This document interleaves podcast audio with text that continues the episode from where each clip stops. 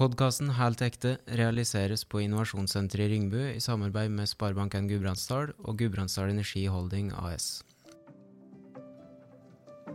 Hvis vi gjør det Støtt har gjort, og tenker slik og Støtt har tenkt, og vi omgås de folkene Støtt har omgås, så er det full stagnasjon. Per Gynt sier tenkere, ønskere, villere med, men gjerrere. I podkasten Helt ekte får du historier og refleksjoner fra folk som har gjort det. Dette er gudbrandsdøler som har våga å gå sine egne veier, fulgt sin lidenskap og vært framgangsrike på sine områder. Du hører på Helt ekte med Sivert Rønn Sætre og Mari Virik Nøvik. Inge Solheim er polfarer, eventyrer og gudbrandsdøl fra Otta. Han slutta på skolen som 16-åring, jobba et tiår i finansbransjen og gikk personlig konkurs. Så satte han kursen mot naturen. Siden har han bl.a. vært på Sydpolen 13 ganger, hoppa utallige basehopp og guida skadde veteransoldater på lange ekspedisjoner. Innimellom piskende vind og blåfrossige te har han lært seg sjøl å kjenne, og de seneste åra har han gjort andre med å lære seg sjøl å kjenne, på ekspedisjoner leda av han sjøl. Akkurat nå er han på vei inn i et gammelt farvann, der han tidligere har gjort store feil. Han er back to business. Men, men Inge, eh, hvem vil du egentlig sjøl si at du er oppi alt dette her? Det har vært en livslang så langt, da. Livslang eh, greie, altså prosess, å prøve å bli kjent med meg sjøl. Mm. Og, og, og, forstå hvem jeg er, og, og um, utvikle meg som menneske. Så der, eh, jeg syns jeg har vært fryktelig heldig å få oppleve alle disse kontrastene. Og så hører jeg at du oppsummerer disse tingene der, og så tenker jeg at um, ja, det er, det en ørliten del av livet mitt og kontraster. Og så tenker jeg at åh, jeg har opplevd så mye spennende og fint og fått møtt så mye artige og interessante folk. Fått godt, god porsjon med utfordringer og nederlag og andre ting. Og jeg er generelt sett fryktelig takknemlig for livet jeg har hatt. Og så tenker jeg, som den evige optimisten jeg er, at jeg tror faktisk det er enda mer og bedre ting i framtida. Mm. Og er det folk, eller er det opplevelser som, som er aller viktigst? Det, det, er, det tror jeg er kom, kombinasjonen. Vi mm. lever jo ikke i et vakuum rundt oss. Vi er, er, jo relativt til andre folk og til omgivelsene våre. Så vi eksisterer jo ikke i et vakuum. Så mm. det er den relative opplevelsen av livet kommer jo som i interaksjon med andre folk. Vi uh, blir jo speila og speiler oss sjøl i andre. og og mye av det vi kaller lykke, kommer jo som følge av at vi opplever ting i hop med andre folk. Ja. Ja. Og så har jeg opplevd den derre lykken i seg sjøl. Altså eh, Jeg har liksom eldre vært på jakt etter lykke, men jeg har opplevd øyeblikk i livet der en føler at en er skikkelig i harmoni med seg sjøl og sine omgivelser. Og da har jeg prøvd å identifisere og kjenne godt etter hva det er som gjør det. Og da har du plutselig en ting som du kan trekke fram når ting er vanskelig, og så kan du søke tilbake til de tingene du vet har god effekt på det. Så det gjør jeg ofte. Er det en spesiell følelse? Den, jeg, jeg, akkurat den, den øyeblikksfølelsen med, ja, med, lykke. Kan du beskrive den? Um, jeg tror det er så fryktelig mye forskjellig. Noen ganger så er det god mat på en fjelltopp eller i et godt selskap. Andre ganger så er det da dette er smilet du får i en romantisk sammenheng, eller det er stoltheten og gleden over at uh, ungen din gjør noe fint. sant? Så det er så mange forskjellige ting. Men jeg tror at det, det, var, det er noen som påsto slik filosofisk sett at lykke var, lykke var fravær av smerte. Men jeg tror at jeg tror at det er mye mer enkelt enn det. Og så er det fryktelig subjektivt. Um, for noen som har det vondt og vanskelig, mm. så kan jo lykke være bare å ikke bli skutt på. Og det kan være at, uh, at en ser opp at en, en barndomsvenn som en var skilt fra altså det, det, er så mange ting. Mm. Jeg tror at oss må alle sammen prøve å være våken for de tingene, de øyeblikkene som, er, som føles lykkelige. Men å drive og tro at livet støtt skal være lykkelig, det er en, i beste fall en villfarelse og naiv, eh, naiv greie. Mm. Øyeblikk. Åssen eh, føler du det akkurat nå? Nå, nå, føler jeg meg fryktelig tilpass, egentlig. Jeg liker dette podkastformatet her. Jeg har hatt fryktelig mye positive opplevelser med det. Jeg er stor tilhenger til å lytte til podkaster sjøl, for jeg har lært så mye. Og, og det er et format som, hvor du kan velge eh, velge mye ekstremt utvalg av folk og temaer. Du har jo hatt en barndom. Ja. Kan, du snakke, kan, du snakke, litt om det? Altså, du er oppvokst på Otta, ja. på en gard? Eller, uh... altså, de første årene så bodde vi på en gard, mm. uh, på Øyen gård, Otta. Mm. Fryktelig idyllisk liten plass med hester og Fryktelig fint, egentlig. Mm. Mange hester? Eller? Det var eh, på det meste når jeg bodde her, så, eller når oss bodde her, så tror jeg det var 12-13-10-12 eh, hester, tror jeg. Det var fryktelig artig. Jeg husker noen av dem enda. Sånn, Hva de hette da? Trixie var den fineste. Det var en rød, eh, rødlig liten, liten en. Liten mm. ponni. Så ja, så var det var flere fine hester. Så jeg var fryktelig glad til hestene da jeg var liten. da. Og er det enda? Voldsomt. Mm. Eh, flotte dyr. Men så flyttet dere videre, eller? Hva? Og flyttet oss i byggefelt mm. i Otta. Mm. Så bodde i to forskjellige byggefelt på Otta i oppveksten. Mm. mm. Det var fint på sin måte. Fryktelig sosialt. og Mye fine folk jeg ble kjent med. Mye, naboer som ble gode forbilder for meg. Mm. Og Du flyttet videre når du var 16, stemmer det?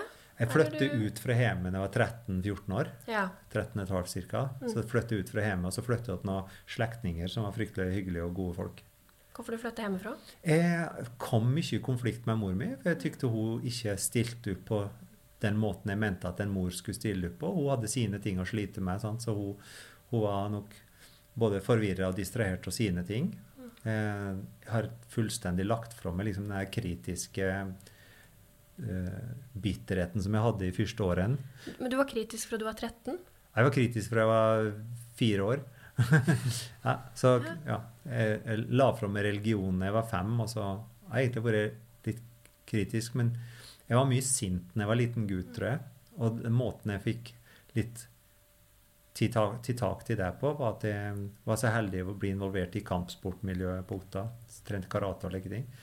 Og så var det en hyggelig familie på Heggelund der jeg bodde, som het Grønn, som var fryktelig aktiv i skytterlaget. De inviterte meg med å være med på det. Så så de tingene var liksom positivt for meg i forhold til at jeg, jeg fikk, som en sint liten gutt, fikk roa meg ned og vært interessert i dette med å regulere mine egne følelser og like ting.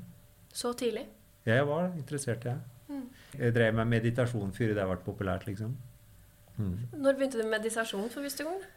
rett etter at jeg begynte å lære karate. For da begynte jeg å lese alt mulig rart om asiatisk kultur.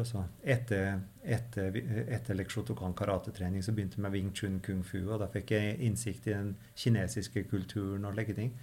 Nå er jeg litt like, vokst fra dette. Jeg er ikke så fascinert av det lenger. Verken kinesisk medisin eller For du, jo mer du lærer, da, så mer ser du at det er jo ingenting som er liksom svaret på alt og komplett. Så det, det, det er litt av det. Så tar du litt positivt fra den kulturen og litt positivt fra den kulturen. Så litt tradisjonell medisin og litt ja, farmasøytisk.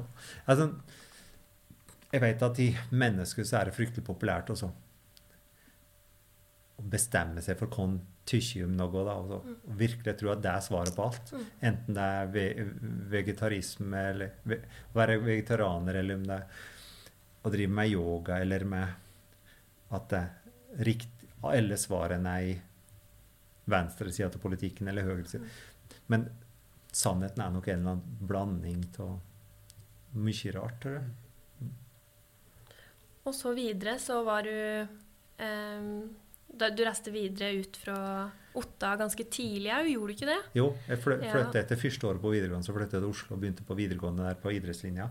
idrettslinja. Mm. Mm. Men jeg, jeg, gjorde bare ett år der. for Jeg ble litt ikke Jeg var flink på skolen i forhold til at ulike objektive kriterier som, som uh, resultater sånn karakterer og slike ting. Hadde fryktelig gode resultater på. Ja, Men uh, subjektivt sett så passa jeg ikke på skolen, egentlig. Jeg trivdes ikke. Jeg likte bedre å jobbe. og Tykte at, egentlig at skolen var ineffektiv og bortkasta tid. Så du droppa ut? Jeg droppa ut Mm. mm, fra før jeg fikk ti aksjer. Mm. Og det føltes i perioder som et litt sånn nederlag og hadde liksom det jeg kaller et akademisk vakuum. da. Men eh, grunn til at jeg lett lærte ting og, og, og likte å lese, og så prøvde jeg å fylle det vakuumet med uformell kunnskap og lese bøker. Så jeg har lest en del psykologi og matematikk og fysikk og filosofi. Og jeg var fryktelig heldig og ble kjent med dyktige filosofer, eller spennende filosofer. da. Jeg vet ikke om det går an å være en dyktig filosof, men mye spennende filosofer som var tankevekkende. og lik. Hvordan møtte du dem da? Jeg møtte dem noen via bøkene, og så var jeg veldig heldig å bli kjent med Arne Næss senior. Ja, Så han var en god venn de siste årene han levde. Mm. Eh, du gikk to år på videregående, og så slutta du. Ja. Eh, og så fikk du eh, unge når du var 19. Ja. Eh, hva var det å få unge som tenåring? Eller jeg møtte ei fryktelig vakker jente fra Vinstra, da, vet du. Eh, og eh, ble fullstendig betatt av det. Altså, I all iveren etter hvor flott hun var, så, så, så ja, ble det en liten unge, da. Mm. Det var en utfordrende tid. For jeg, jeg drev pizzarestauranten på Otta i de tidene der, og så um, i hop med noen venner. Og det var, det var ganske altoppslukende i seg sjøl, altså drive og jobbe. Og så få en liten jentunge på toppen til det var jo var utfordrende. altså. Jeg skulle ønske at jeg var mer etablert og hadde bedre økonomi og lekt når jeg ble småbarnsfar.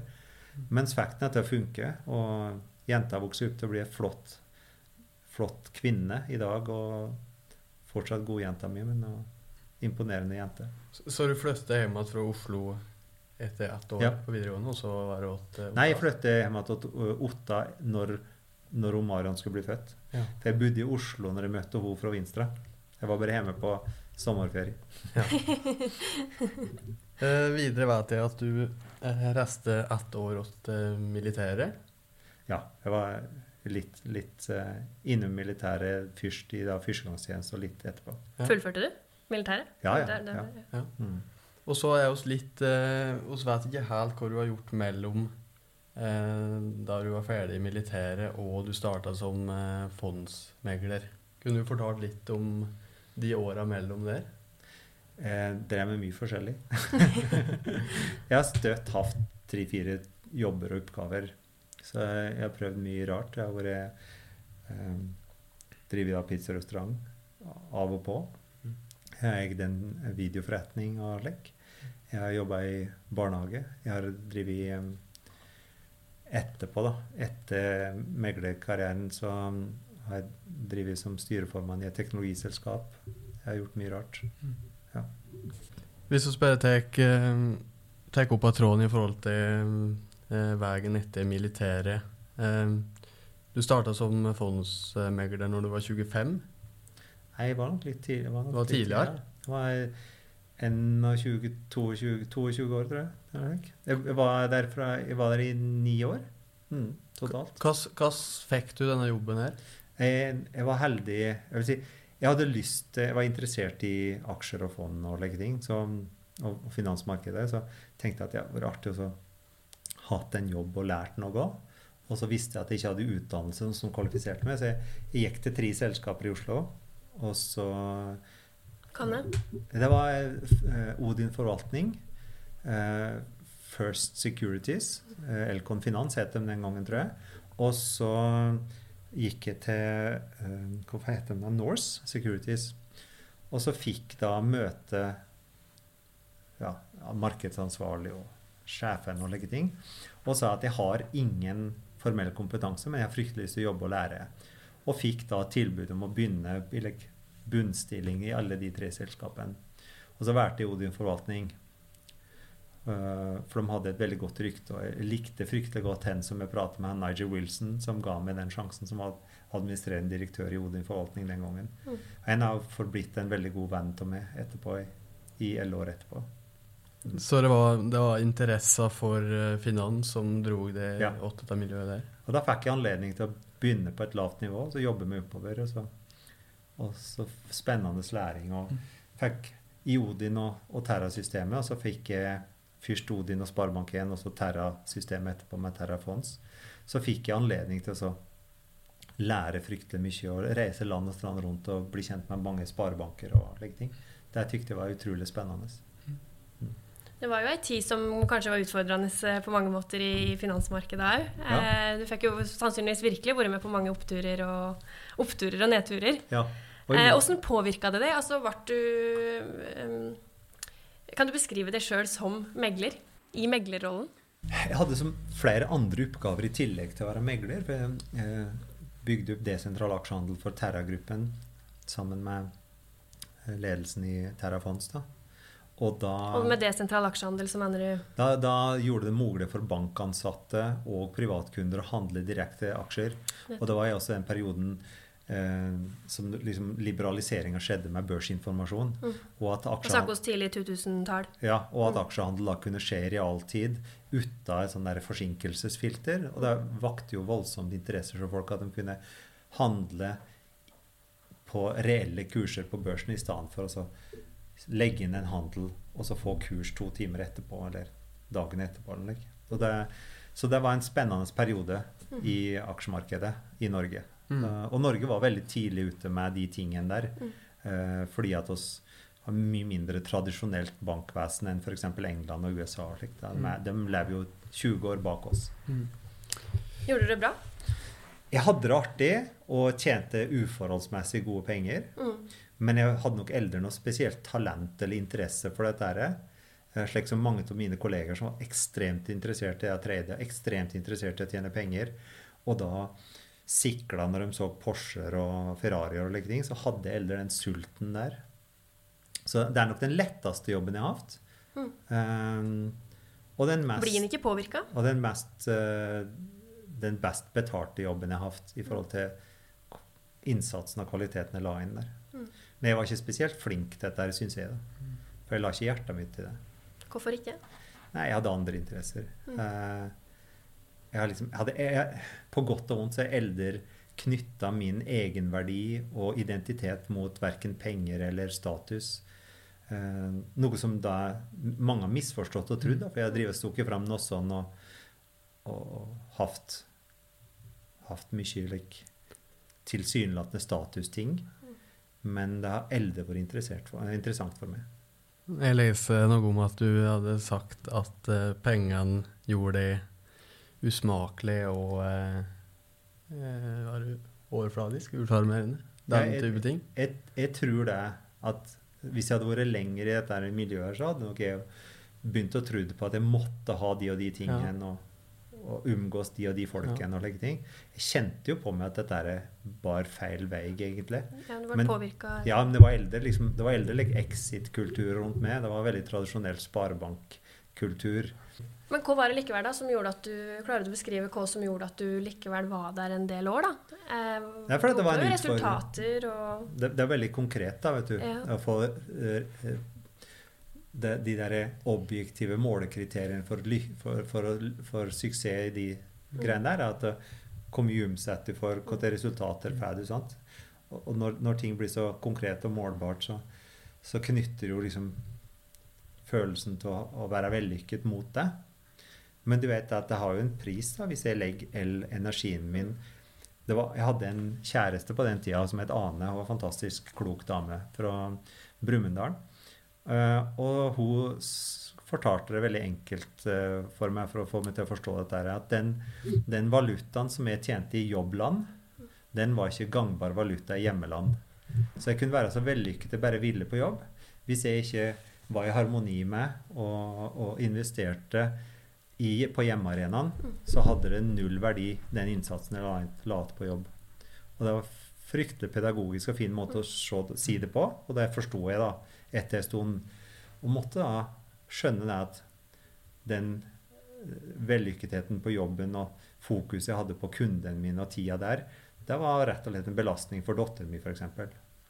Og på kjæresten min den gangen. Og da gjorde du endring? Ja, det gjorde endring. Kanskje litt for sent, eller eh, Ja. Eh, men jeg, jeg, gjorde endring, og det føltes veldig riktig når jeg gjorde det. Hva gjorde du? Jeg slutta på dagen. Jeg sa til sjefen min at du, jeg kan ikke jobbe her lenger. Og så han var overbevist om at jeg hadde fått jobb en annen sted. Så jeg, nei, jeg har ikke fått det. Jo, men uh, så han ga meg tre måneder like, eh, karens, karenstid allikevel, da, slik at jeg ikke skulle gå rett til en konkurrent. Og det kunne juridisk sett gjøre. Men de tre månedene så satt jeg mest på huk og var inne i rondene. Men jeg hadde jo jobba fra jeg var liten gutt. Og når alle andre mine venner drev med fest og moro og, og slike ting, så, så jobba jeg. Så slik at eh, da var det godt, egentlig. Det er Som en 28 år, og så ta noen hvileskjær. Mm. Og, Eh, og, og reconnecte med naturen. Det var fryktelig viktig for meg òg. Så jeg begynte å guide mer. For du, du guida gjennom hele ungdomstida di? Ja, jeg gjorde det. Ja.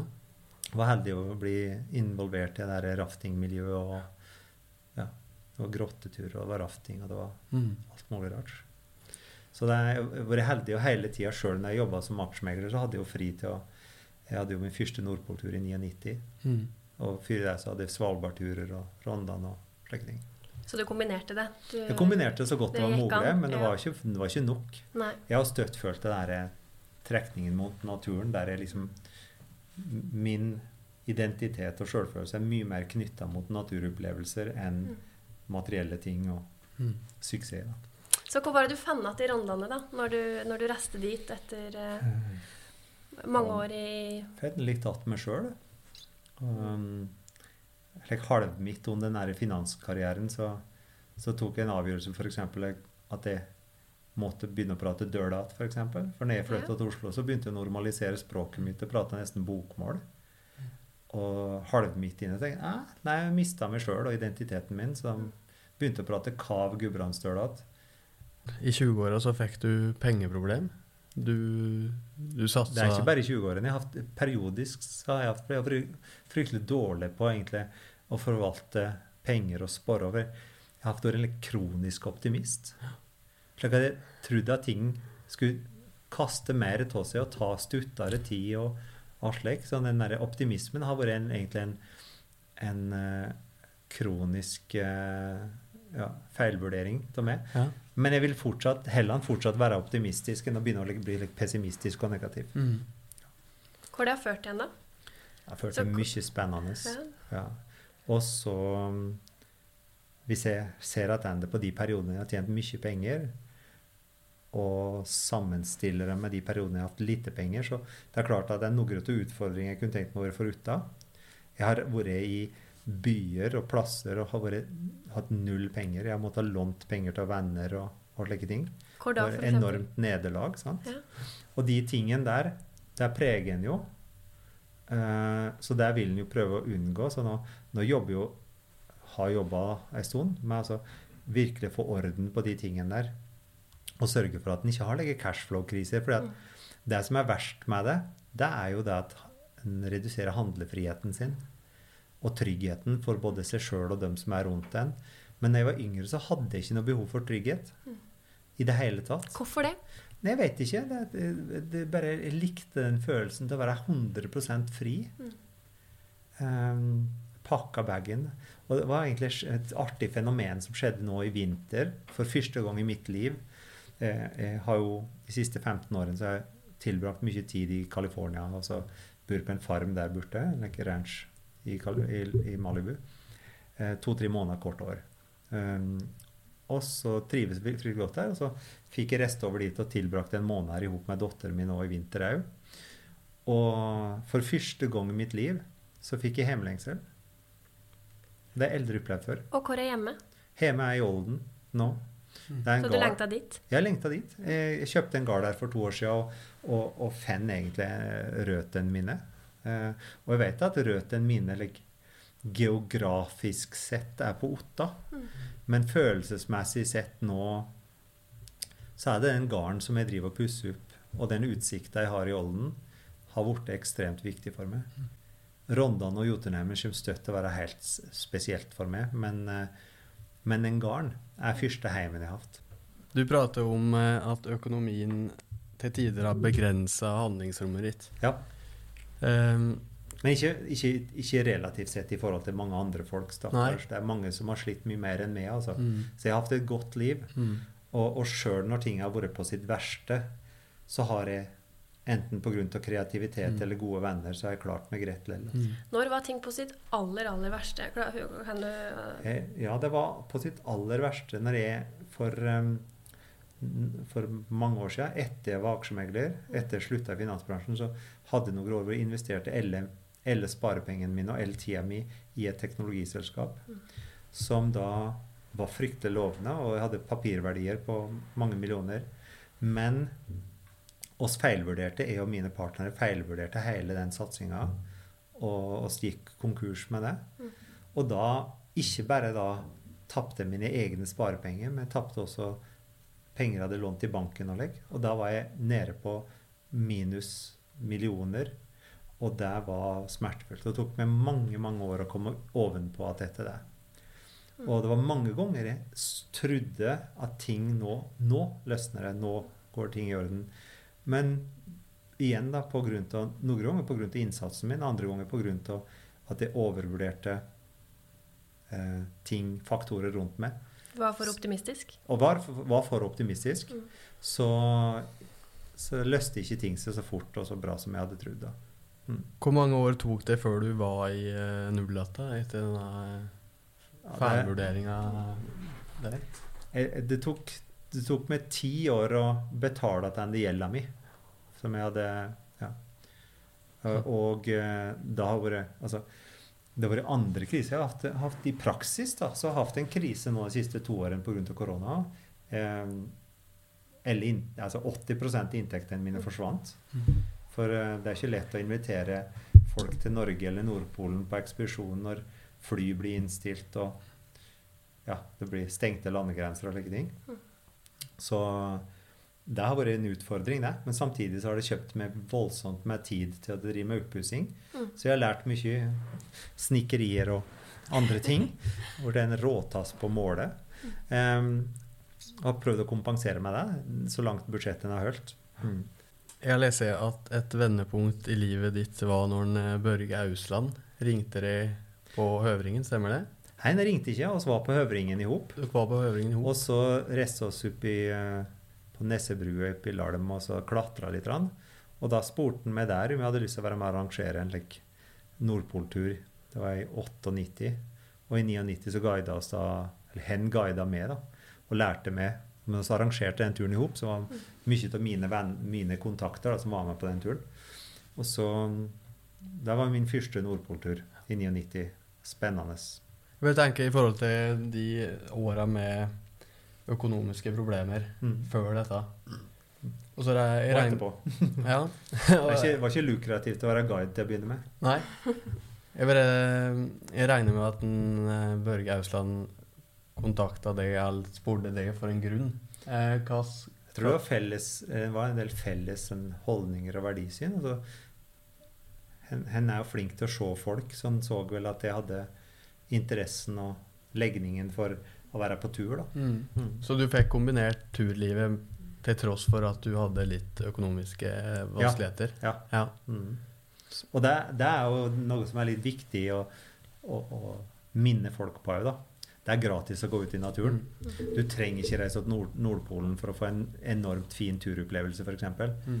Det er barrieren for å få ekstreme, gode, spennende, lærerike utfordringer og opplevelser i naturen.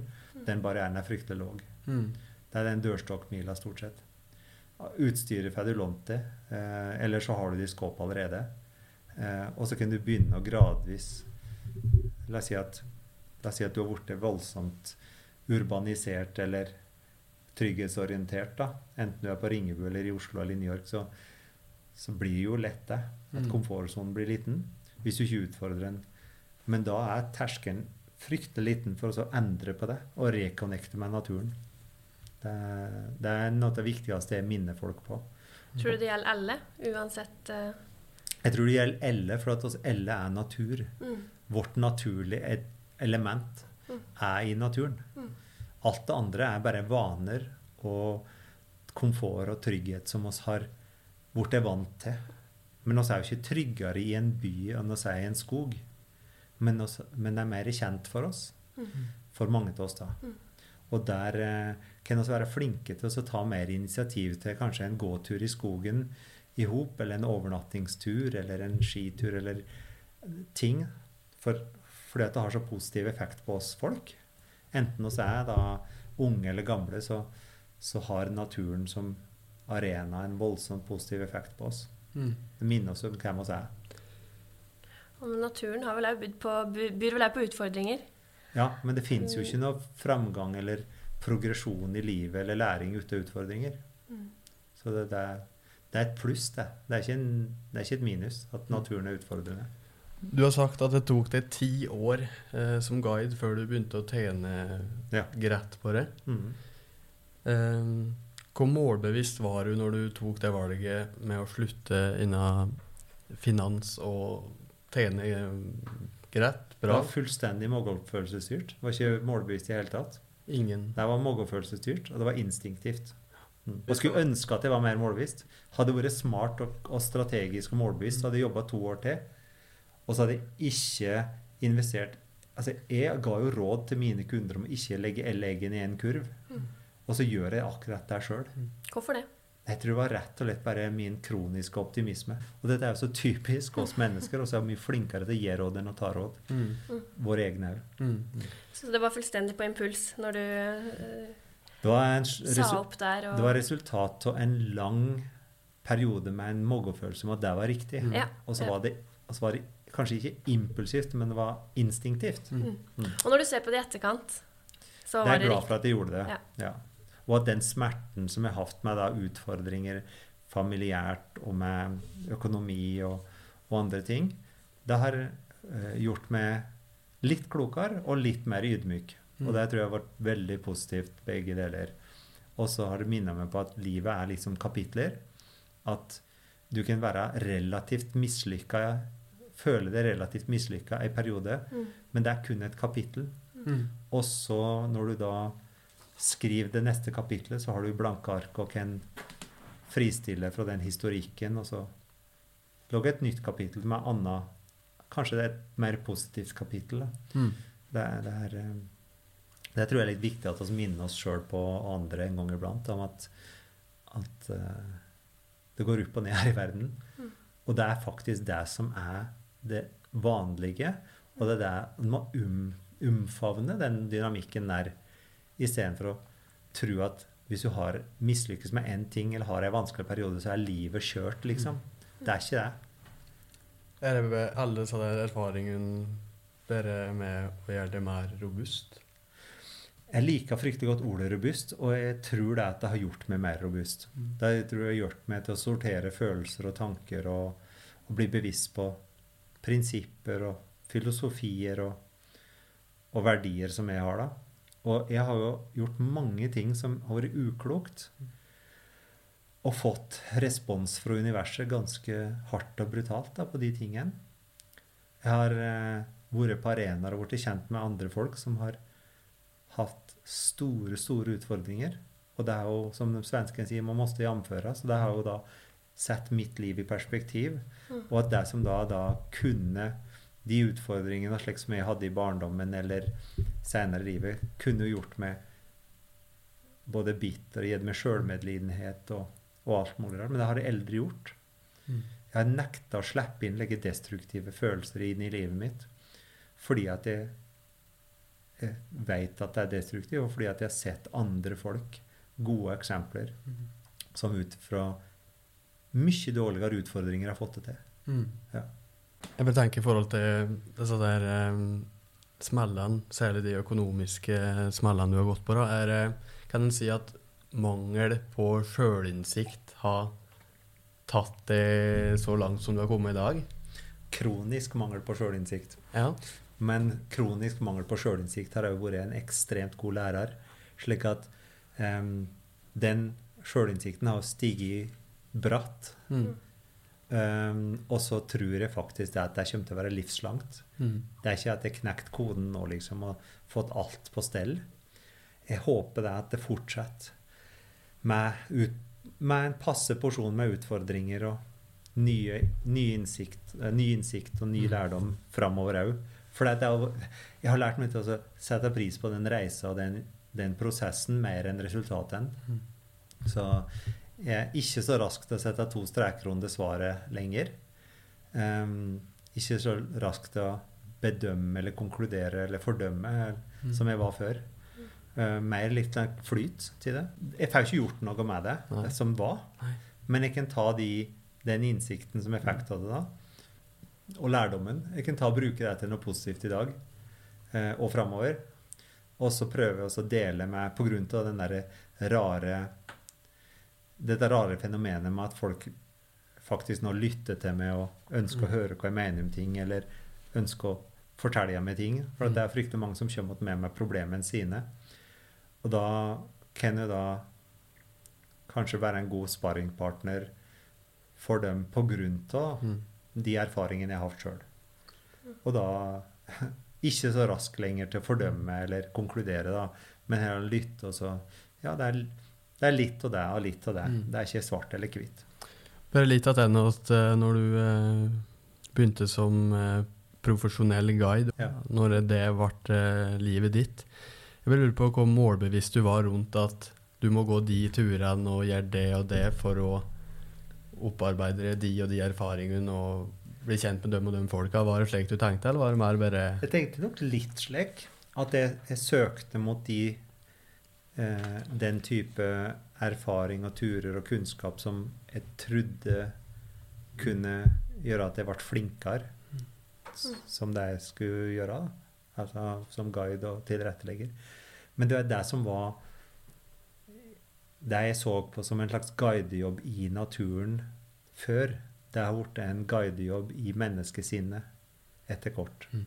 At jeg har blitt en sparringpartner og coach og tilrettelegger for de prosessene som skjer inni oss, i stedet for det som geografisk sett foregår. At vi flytter oss fra A til B eller opp en fjellvegg, det er kun en prosessarena for å få til noe enda dypere og viktigere, som er personlig utvikling. mm. Kan du beskrive litt mer hvordan du jobber med, med folk på sånne type turer? Eh, Du må jo virkelig bli kjent med, kjent med dem i løpet av en sånn, sånn tur, da. Det, du var inne på det viktigste, å bli kjent med dem. Mm. Fordi at folk er folk, og folk er forskjellige. Mm. Um, og eh, det er mye som er likt i oss, men alle fortjener å bli behandla og sett som individer. Mm. Jeg har hatt mange gode påminnelser på det. Både fordi at folk har vært så ivrige på å putte meg i boks og kategorisere meg og, og bedømme meg for ting som ikke har betydning, men òg dette med at jeg har tid meg sjøl i å se på folk som en gruppe, eller bedømme folk for fort. Og alle fortjener å bli sett på som individer. Og da er den viktigste jobben jeg gjør, da, at jeg blir kjent med dem. Ikke nødvendigvis for å så si og behandle dem akkurat som de har lyst til å bli behandla. For alle oss er fulle av livsløgner, og så har våre komfortsoner og så er ting som vi syns er ubehagelig. Men det er jo mest vekst og framgang i det som er ubehagelig og uvant. Sant? Mm. Hvis vi gjør det Støtt har gjort, og tenker slik og Støtt har tenkt, og omgås de folkene Støtt har omgås, så er det full stagnasjon. Mm. Det er jo den der utfordringen som min rolle er ofte det er å bli kjent med dem og forstå hva til knapper skal trykke på for å motivere, stimulere, sparke i baken og utfordre. Og det er nok ofte det at jeg utfordrer folk mer enn de har lyst til å bli utfordra. Kan du være hard mot folk? Jeg kan være hard mot meg sjøl og relativt hard med andre. Kan jeg mål har eh, kundene dine når de eh, kontakter deg?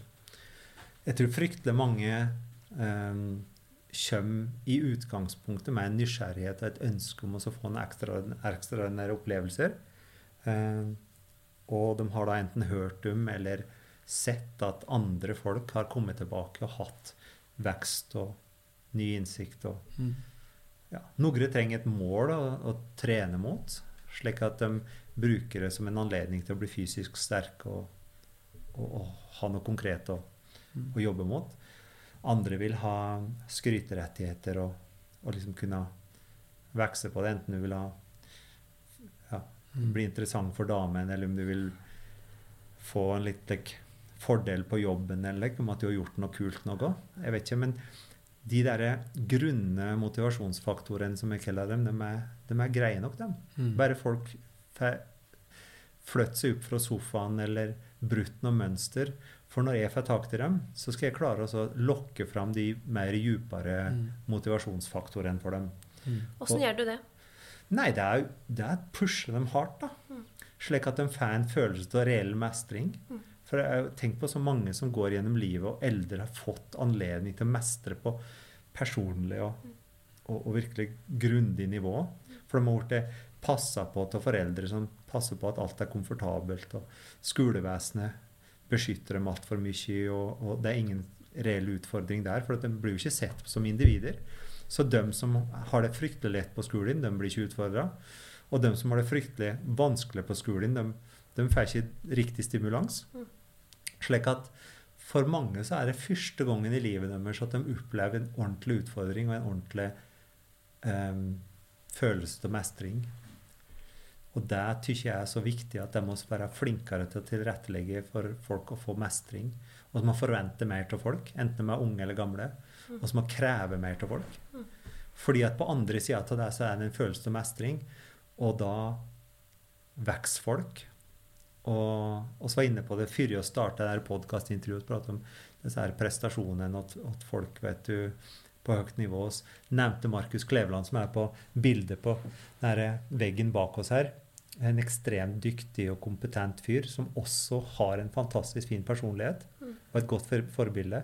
Det hadde jo ikke trengt å bli slik. Men det jeg har observert, da, for jeg har blitt kjent med noen av verdens flotteste idrettsutøvere og politikere og næringslivsfolk og artister og legning, de som virkelig presterer på høyt nivå, kontinuerlig og, og, og over tid, og, og legg, de har en trygghet i seg sjøl som gjør at de som regel er fryktelig behagelige å omgås.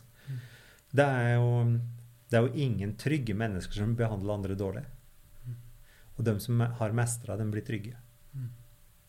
Så det er best å skinne ungene våre og vennene våre. og Og dette er verdier som du ønsker å videreformidle med at folk som du har med deg på ekspedisjoner, eller Ja, eventuelt folk som hører på en podkast, fordi at noen, er altså, noen er i den villfarelsen at jeg kan si noe nyttig da. Så, så må jeg, jeg har jo en forbanna plikt da, til å altså, prøve å yte alt jeg kan til å og, og prøve å destillere fram min egen livserfaring på en slik måte at det kan være verktøy for andre å putte i, i sin verktøykasse.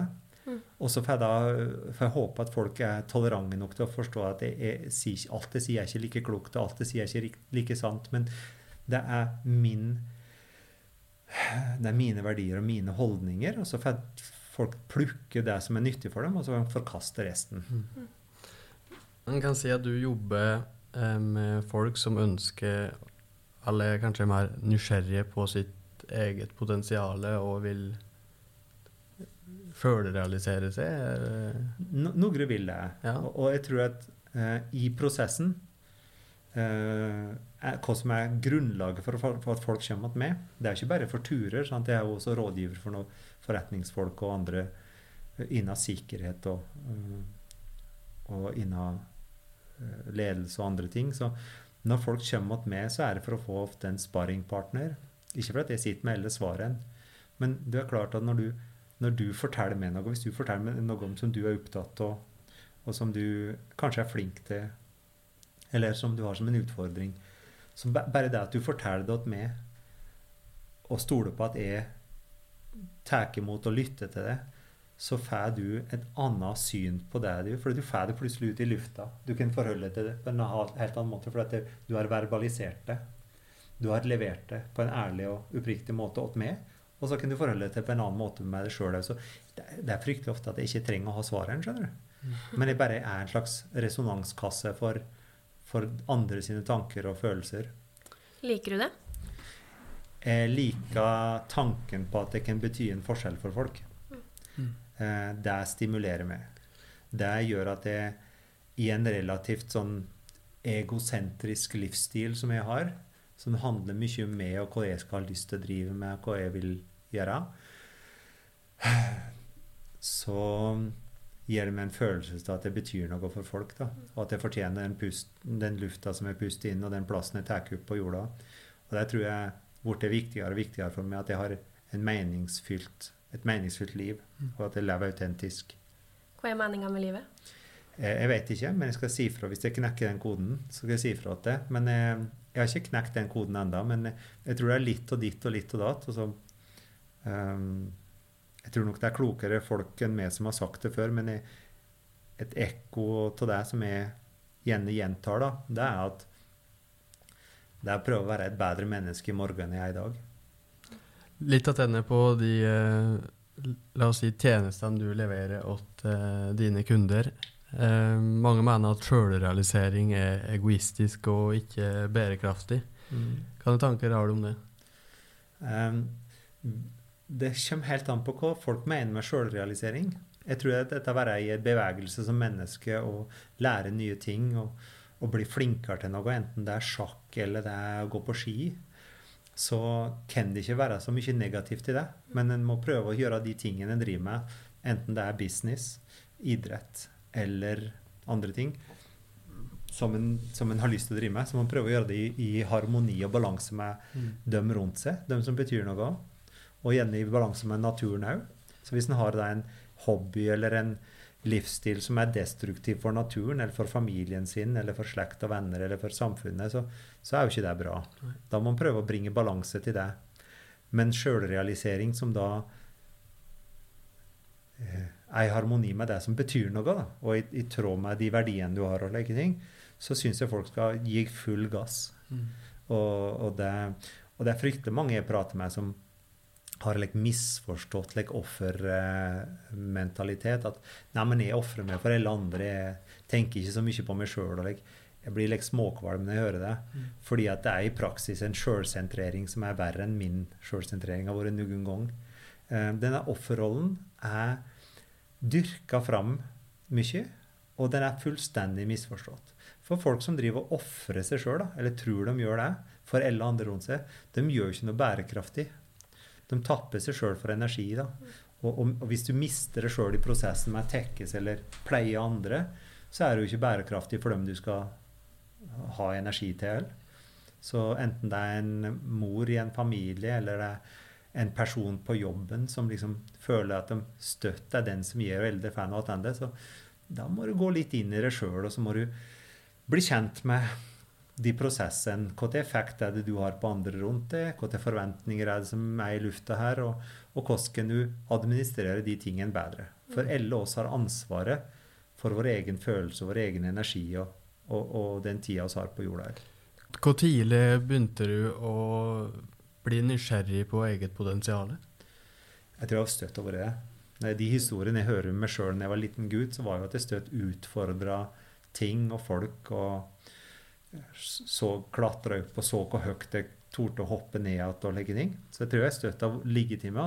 Andre folk har andre ting. da. Andre ting de blir andre personlighetstrekk. Men jeg tror jeg har støtt og hatt den der i meg. Men vi er ikke noe der jeg, I hvert fall ikke nå lenger. Jeg er i hvert fall ikke noe risikopervers, hodeløs, utfordrer til trygghet og like. Jeg trives godt i usikkerhet.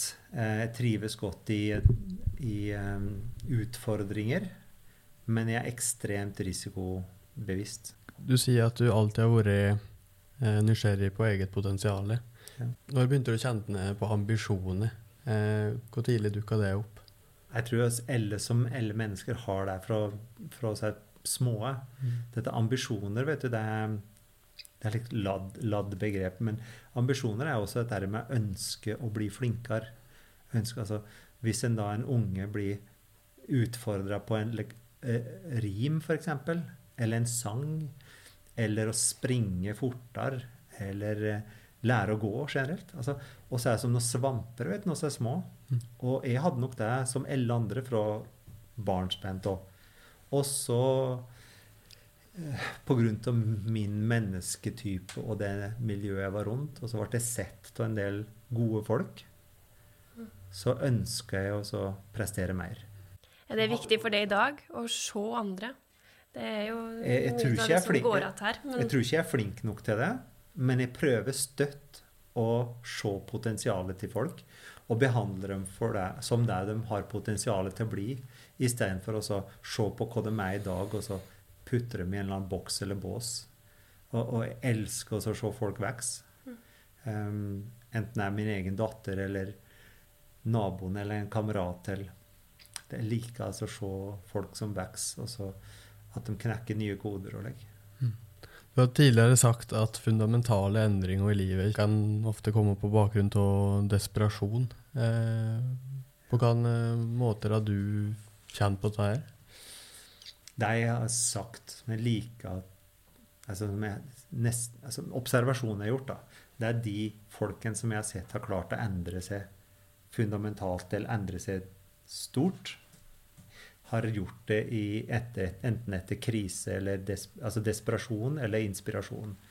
Sterk inspirasjon. Og det, det er liksom så prater med meg sjøl som middelaldrende mann. Det er jo ingen middelaldrende mann som endrer atferd og tankemønster uten at den enten får hjerteinfarkt eller kjærlighetssorg. Eller kjærlighet. Det, er, det skjer ikke, vet du. Og så er vanedyr. Så det jeg leter etter, er jo, det er jo opplevelser og situasjoner som da gir meg de tingene. Jeg skryter på meg å gjøre noe, så må jeg gjøre, gjennomføre det. sant? Jeg legger eh, hjertet mitt på blokka og risikerer å bli såra og skuffa og. Fordi at i det, i det I den intensiteten der, så vet jeg at jeg endrer meg og forbedrer meg og henter ut det beste av meg sjøl. Har du vært i en sånn type situasjon ganske nylig? Jeg har vært i flere. Eh, slik jeg oppsøker dem nesten. Men det er en livsstil, så jeg, jeg beveger meg mot de tingene som jeg tror er spennende, eller som jeg føler er riktig å, å legge. Og da er ikke støtt For eksempel. det er ikke støtt det som er mest behagelig å, å, å ting. Vet du. Jeg har nettopp gjort et oppgjør med meg sjøl i forhold til den gamle ballasten i forhold til den konkursen, personlige konkursen og dette nederlaget med teknologiselskap og like ting. Så jeg har akkurat bestemt meg for å gå tilbake og, drive litt business. For at jeg mista fullstendig sjøltilliten på business når jeg, var, når jeg var gjennom de tingene der. Og tenkte nei, jeg er bare en guide, jeg er bare en naturmenneske. Det er det jeg skal drive med. Og jeg har ikke en interesse for business. Men jeg har jo det.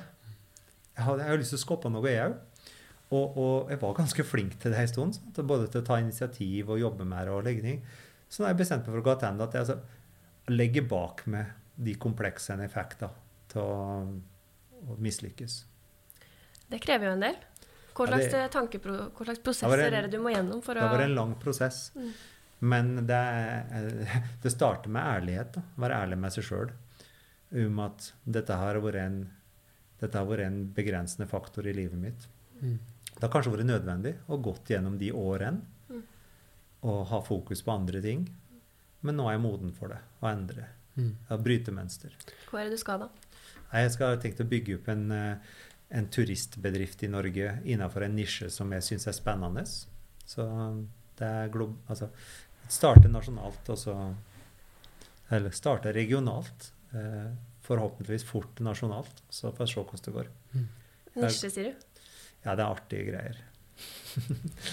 jeg, skal fort, jeg, jeg, jeg vil holde igjen litt informasjon til scenen, så kanskje jeg heldig blir invitert en gang til. Du hører på Helt ekte, og dette er 15 kjappe. Hvis du kan reise hvor som helst i morgen, hvor reiser du da? Australia. Jeg aldri her. Beste komplimentet du har fått? Jeg tror ikke komplimentet, beste komplimentet jeg har fått, er en setning eller et ord. Mm. Jeg tror det er rett et blikk. Er du A- eller B-menneske? Eh, Jeg er A-menneske når jeg trenger det, og B-menneske når jeg kan slappe av. Tilpasningsdyktig. Ja, jeg gjør det. Eh, Du kan tilbringe en hel dag med hvem som helst. Hvem hadde det vært? Dattera mi. Nevn tre ting du ikke kan leve ut av. Frihet, utfordringer og gode venner. Favorittfilm? Eh, store blå. Dårligste egenskap. Eh, ustrukturert eh, og mm, procrastinator. Det er utsett ting til siste liten. Mm. Mm. Favorittsted i Gudbrandsdalen? Rondal. Hva hadde du valgt mellom en Eller ikke valgt, men hva ville du hatt av en eh, høglytt nabo eller en eh, nysgjerrig nabo? En nysgjerrig nabo. Jeg er borte så lite tolerant på støy. Hoppe i fallskjerm eller gå Birken på ski? Jeg er totalt uinteressert i Birken. Det er altfor mye folk. Helt sikkert. Eta ute eller eta inne? Jeg er ute. Ute, altså. Utendørs. Ikke Nei. ute på restaurant. Nei. Nei. nei. Vin eller øl? Eh, ingen av delene. Alltid 20 minutter eh, for tidlig eller 10 minutter for sent. Jeg tror jeg har blitt flinkere til å komme tidlig, men jeg har tidligere vært støtt for sein. Mm. Men eh, nå har jeg fått mye mer respekt for andres tid, så jeg prøver å være tidlig ute. Vaske gulv eller skifte dekk? Begge deler. Jeg gjør, altså, jeg, gjør det som trengs. Jeg driver ikke og så kjenner etter hva jeg har lyst til å gjøre hvis det er noe som trengs. Mm. New York eller Rondane? Rondane.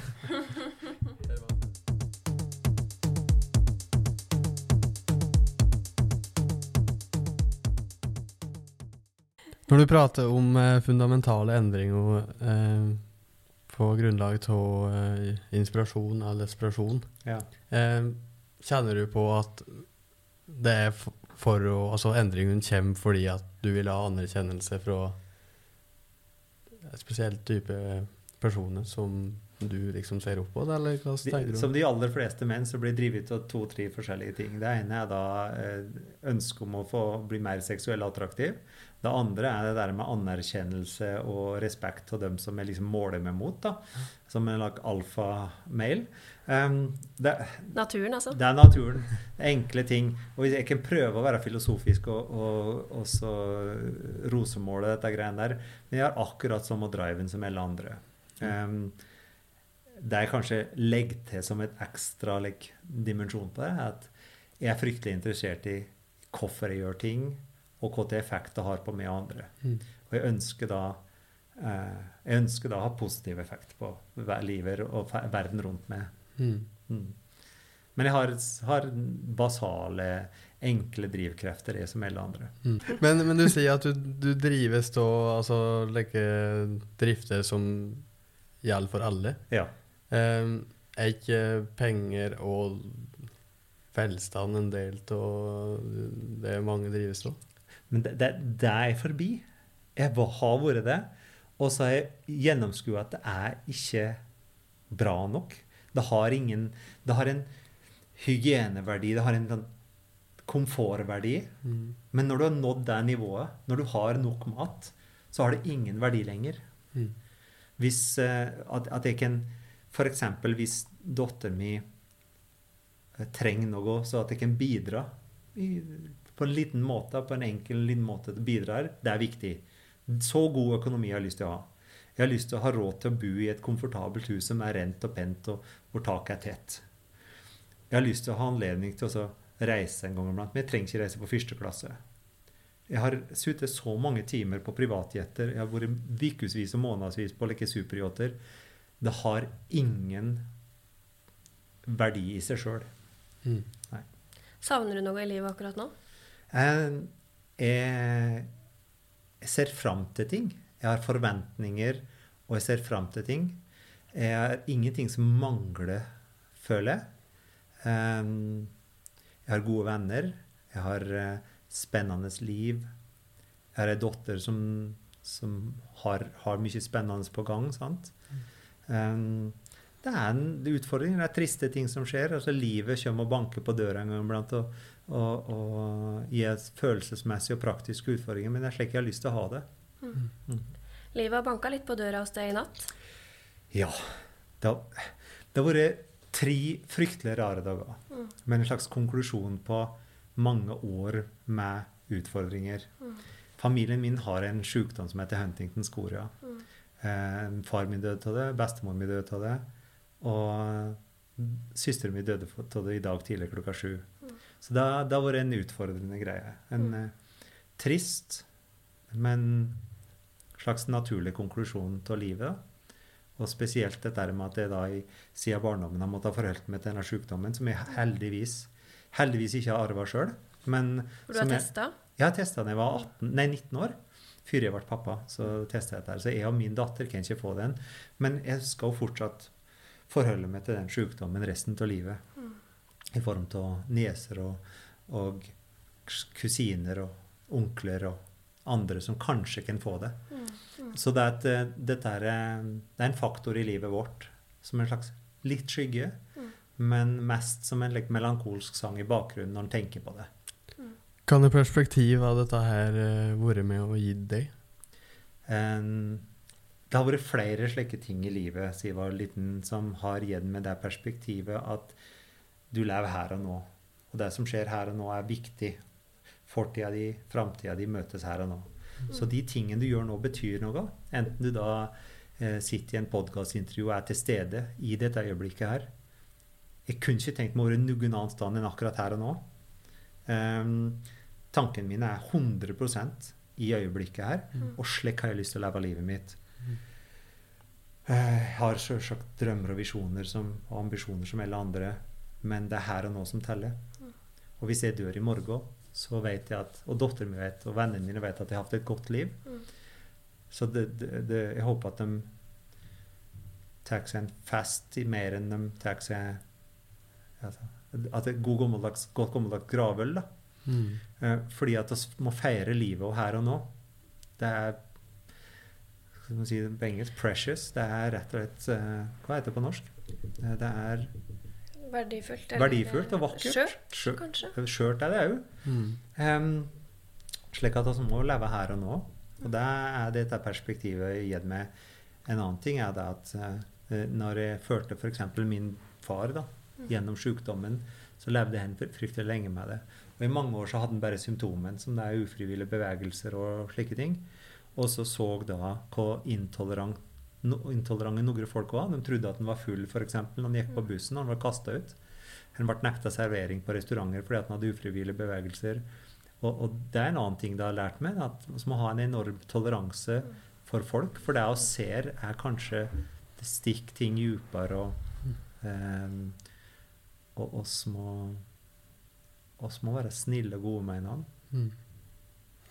Eh, Du prater litt eh, på at du, har, eh, du ønsker å drive mer med business i åra som kommer. Ja, For å, for å utfordre meg på det Mm. nivået der. Ja. Og skape noe som jeg kan være stolt av. Mm. Mm. Jeg vil tenke litt på i forhold til Du har jo reist veldig mye Ja. rundt omkring. Og har ligget i Altså, du kan sammenligne Norge med andre land og kulturer, da. Mm. Eh, og så var jo jeg inne på det med risiko. Du, du er jo en kronisk optimist. Du kjører på, så Mm. går du på noe smeller. Eh, og i andre land så kan jo det være Det viser at du har en like stayer, da, at du aldri gir deg. Tross for at du går på mye smeller. Eh, kan det tanker tenker du nordmenn har om det, sammenlignet med andre Jeg tenker at oss eh, har vært fryktelig heldige i Norge, som har eh, de siste 80 årene Eller siden, siden, siden krigen slutta, eh, snart 80 år, så har oss levd i en fryktelig rolig og fredelig, sosialdemokratisk, velfungerende hjørne av verden. Og så har vært forskåna for de aller største utfordringene som samfunn, men selvfølgelig mange på individuelt nivå. Så oss skal som alle andre ta inn over oss de personlige tingene som vi sliter med. Men som samfunn så har vi vært ekstremt trygge og gode. Og Mm. i verdenshistorien så har ingen befolkning vært så godt utdanna, trygge, friske, levd lenger. Vært vakrere enn nordmenn er i dag. Bare slengte bare bare tull. Sjølsagt. Nei, så oss, oss er jo charmed, som de sier på engelsk. Det er, em, det er viktig å, å sette det perspektivet. For jeg har vært i andre land som har vært herja av krig og fattigdom, og hvor de har andre utfordringer. Eh, og hvor de da faktisk verdsetter ting som oss tar som en selvfølge, mye bedre. De er flinkere til å ta vare på en annen på tvers av generasjoner. De, eh, de har annen kulturell ballast eh, enn det oss har. Og oss har en tendens i Norge til å tykke at oss har knekt koden kanskje litt for mye og være litt arrogante og, og nedlatende for andre folk. Men vi er en knøttliten nisjenasjon. Eh, vi har knapt nok en middels stor by ute i verden med en gjeng med folk som har vært heldige. Og når da unge eller gamle nordmenn slår seg på brystet i forhold til oljefondet vårt eller økonomien vår eller hva hva det er for noe, da, så må jeg i hvert fall be dem altså sende en takk til dem som sleit med å rydde gården og bygge opp industrien i Norge, og dem som jobba hardt og forsaka i mange mange generasjoner før oss for at oss skal kunne ha det bra i dag. Jeg vil lure litt på hvordan du følte at folk så på det etter at du eh, tapte to millioner? Um, jeg tror at jeg var mest kritisk til meg. Mm. Og så tror jeg at mange som da måler lykke i det å ikke mislykkes, de så vel sikkert ned på meg, og det er greit. Mm. Den skal jeg gi dem. For jeg gjorde mange store tabber og feilvurderinger i den sammenhengen der. Så det skal de få lov til. Mm. Eh, allikevel så syns jeg at vi må få mer takhøyde i Norge på dette med å mislykkes. Eh, pratet med senest i går, jeg satt, sto og pratet med noen folk i forhold til dette at en av bieffektene til å ha et samfunn hvor det er så stor grad av likhet og flat struktur, og at alle er relativt vellykket, på overflata i hvert fall, så er en av bieffektene og konsekvensen av det at det finnes ikke noe nivå å dette ned på. At du, du blir så fryktelig det blir så fryktelig tydelig hvis du ikke har bil, eller hvis du ikke har hytte på fjellet, eller hvis ungen din ikke har den nyeste moten og slike ting. Og det vil si at det er fryktelig mange nordmenn da, som har et så tydelig mål og ambisjon og bilde til kost det er å være vellykket i Norge, Mm. at det er fryktelig mange som ikke føler seg vellykka. Mm. De ikke har det. De ser, enten de ser det på Instagram eller de ser det hos naboen, at nå har naboen pussa opp kjøkkenet to ganger. Mm. I den perioden også har drevet og hatt det samme kjøkkenet. sant? Så altså, oss, oss har litt feil perspektiv på de tingene der, tror jeg. Og det skumle med å ikke ha noe nivå å dette ned på, det er at eh, det er ikke noen som tar imot det. sant? For alle de andre er vellykka, du er den eneste som da ikke har råd til å kjøpe julegave til ungene dine i år. Så det viser jo på selvmordsstatistikken blant menn, f.eks. Mm. De, de blir så fort mislykka, føler de, i egne øyne. øyne. Så vi må ha mer toleranse, rett og slett. Nordmenn er relativt konforme, med andre ord. Jeg tror det. Mm. Jeg tror det. Men samtidig så har jeg gjort det til en livsoppgave å se individen. Og når du da skropper litt til folk, da, og jeg har jo en tendens til å ha litt dype samtaler med folk i stedet for like overfladiske tullegreier om hva som var på TV i går, og like, det gidder jeg ikke. Men i kraft av det så kommer jo under huden på folk, så de er jo ikke så konforme Mm. på innsida som de er på utsida. Så gjort det til et litt poeng å så se individen til det, og det fører jo til at de kommer og Noen kommer og feirer suksesser med meg, andre kommer og så ber dem eh, De trenger noen å prate med når de Mm. føler seg nede. Hvem er det du sjøl går åt? Jeg har en, har en eh, liten gruppe med mennesker. Jeg har to veldig gode brødre Mm. som har betydd mye for meg.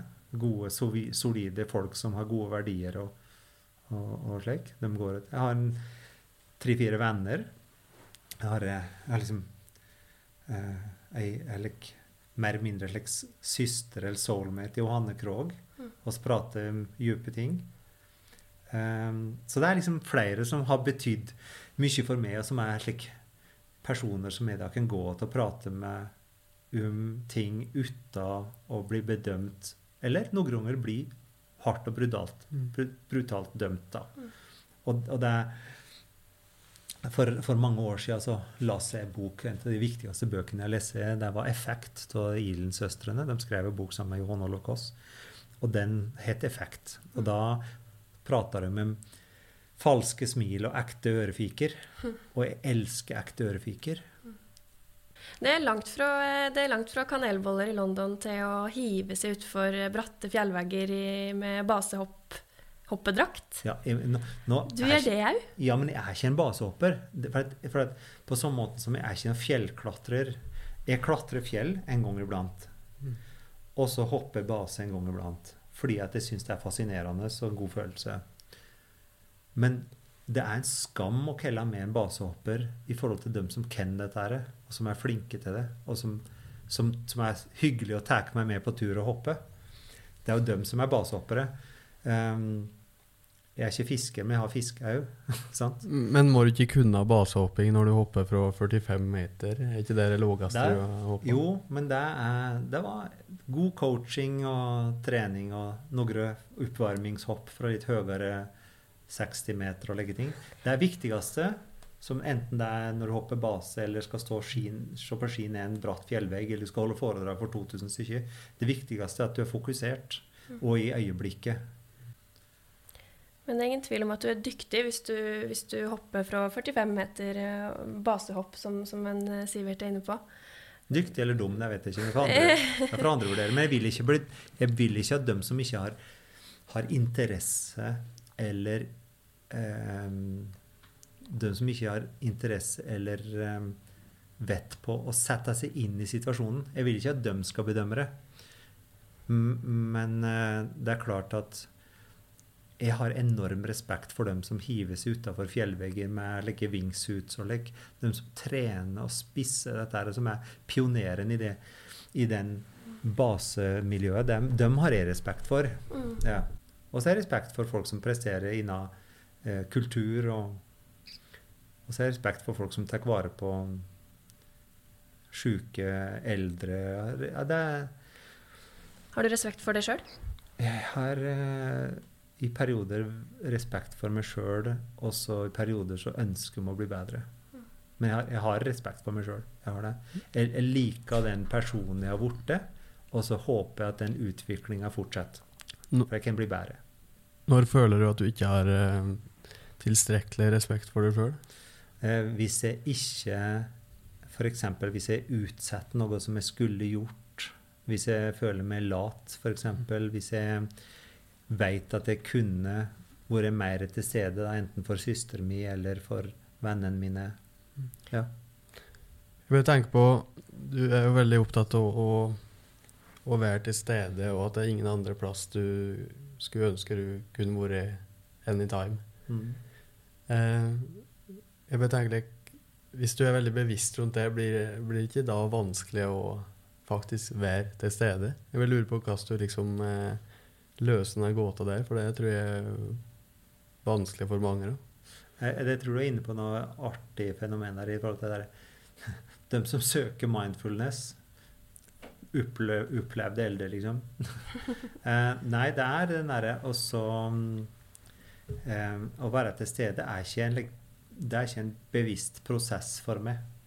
Jeg bare prøver å altså, Sitte her og nå, f.eks. Jeg prøver også å kjenne på stemningen på, et, på en lik derre helt instinktiv måte. Ikke analysere kroppsspråket ditt, f.eks. Bare kjenn etter. Kjenn etter hva føler jeg i den situasjonen her nå. Er jeg inspirert til å prate? Liksom, synes, skulle ønske at dette her nå var over snart? Nei, nei. nei det, jeg bare, dette her er Det er en intensitet til dette her. Jeg, jeg, og jeg stoler blindt på instinktene mine, f.eks. Jeg planlegger ikke hva jeg skal si i neste setning. Eh, det, det, det er en følelse, det er en flow, mer eller mindre. Eh, I det øyeblikket prøver å sette ord på det, så forsvinner det ut mellom fingrene mine. Jeg vet ikke hva det er for noe. Du har jo reist fryktelig mye og møtt veldig mye eh, kule folk opp igjennom. Ja. Hva er den mest inspirerende personen du har møtt? Det er, det er eh, fryktelig mange som deler den pallplassen der, altså. Um, det er blitt eh, bevisst på det at det er ingen som er komplette mennesker. Verken jeg eller andre. Er heltedyrkinga som vi driver med i samfunnet vårt. Det er i beste fall en forenkling uh, for å liksom ha et eller annet klart bilde til hva som er riktig, og hvem som er bra. og legge ting. Men i verste fall så er det rett og slett eh, forfalskning av virkeligheten. For, eh, for ved, å, ved å dyrke en helt, så må du ignorere de negative sidene som oss har alle sammen. sant? Og det er jo ingen som er helt perfekt. Så det jeg har prøvd å gjøre, er å plukke egenskaper og, og ferdigheter og, og, og se opp til enkelte ting ved enkelte folk i enkelte situasjoner. Og, og der slik sett så da har jeg møtt mye fascinerende folk. Men det er jo ikke På lista mi over mine forbilder og lek, så er det jo nesten ingen kjente folk. Det er hverdagshelter og gode medmennesker og lek. Mm. En annen ting enn eh, folk som er viktig for det i livet, er jo fjell. Ja. Natur, men fjell kanskje spesielt. Mm. Eh, har du noe fjell i, som, fjell i livet ditt som har eh, betydd litt ekstra mye? Eh, ja, har det. Uh, det er fordi at det er milepæler i livet sånn, som opplever opplevelser som blir en slags som blir, som blir en slags fryktelig konkrete tidspunkt, og hvor du da var i spesielt modus som person. Du opplevde sammen med kanskje spesielle mennesker. Og du fikk en eller annen følelse eller innsikt akkurat der og da som betydde noe. Så er, jeg har opplevd en slik ting ved ulvetanna i Antarktis. Jeg har eh, hatt slike ty type opplevelser i Mustang i Himalaya.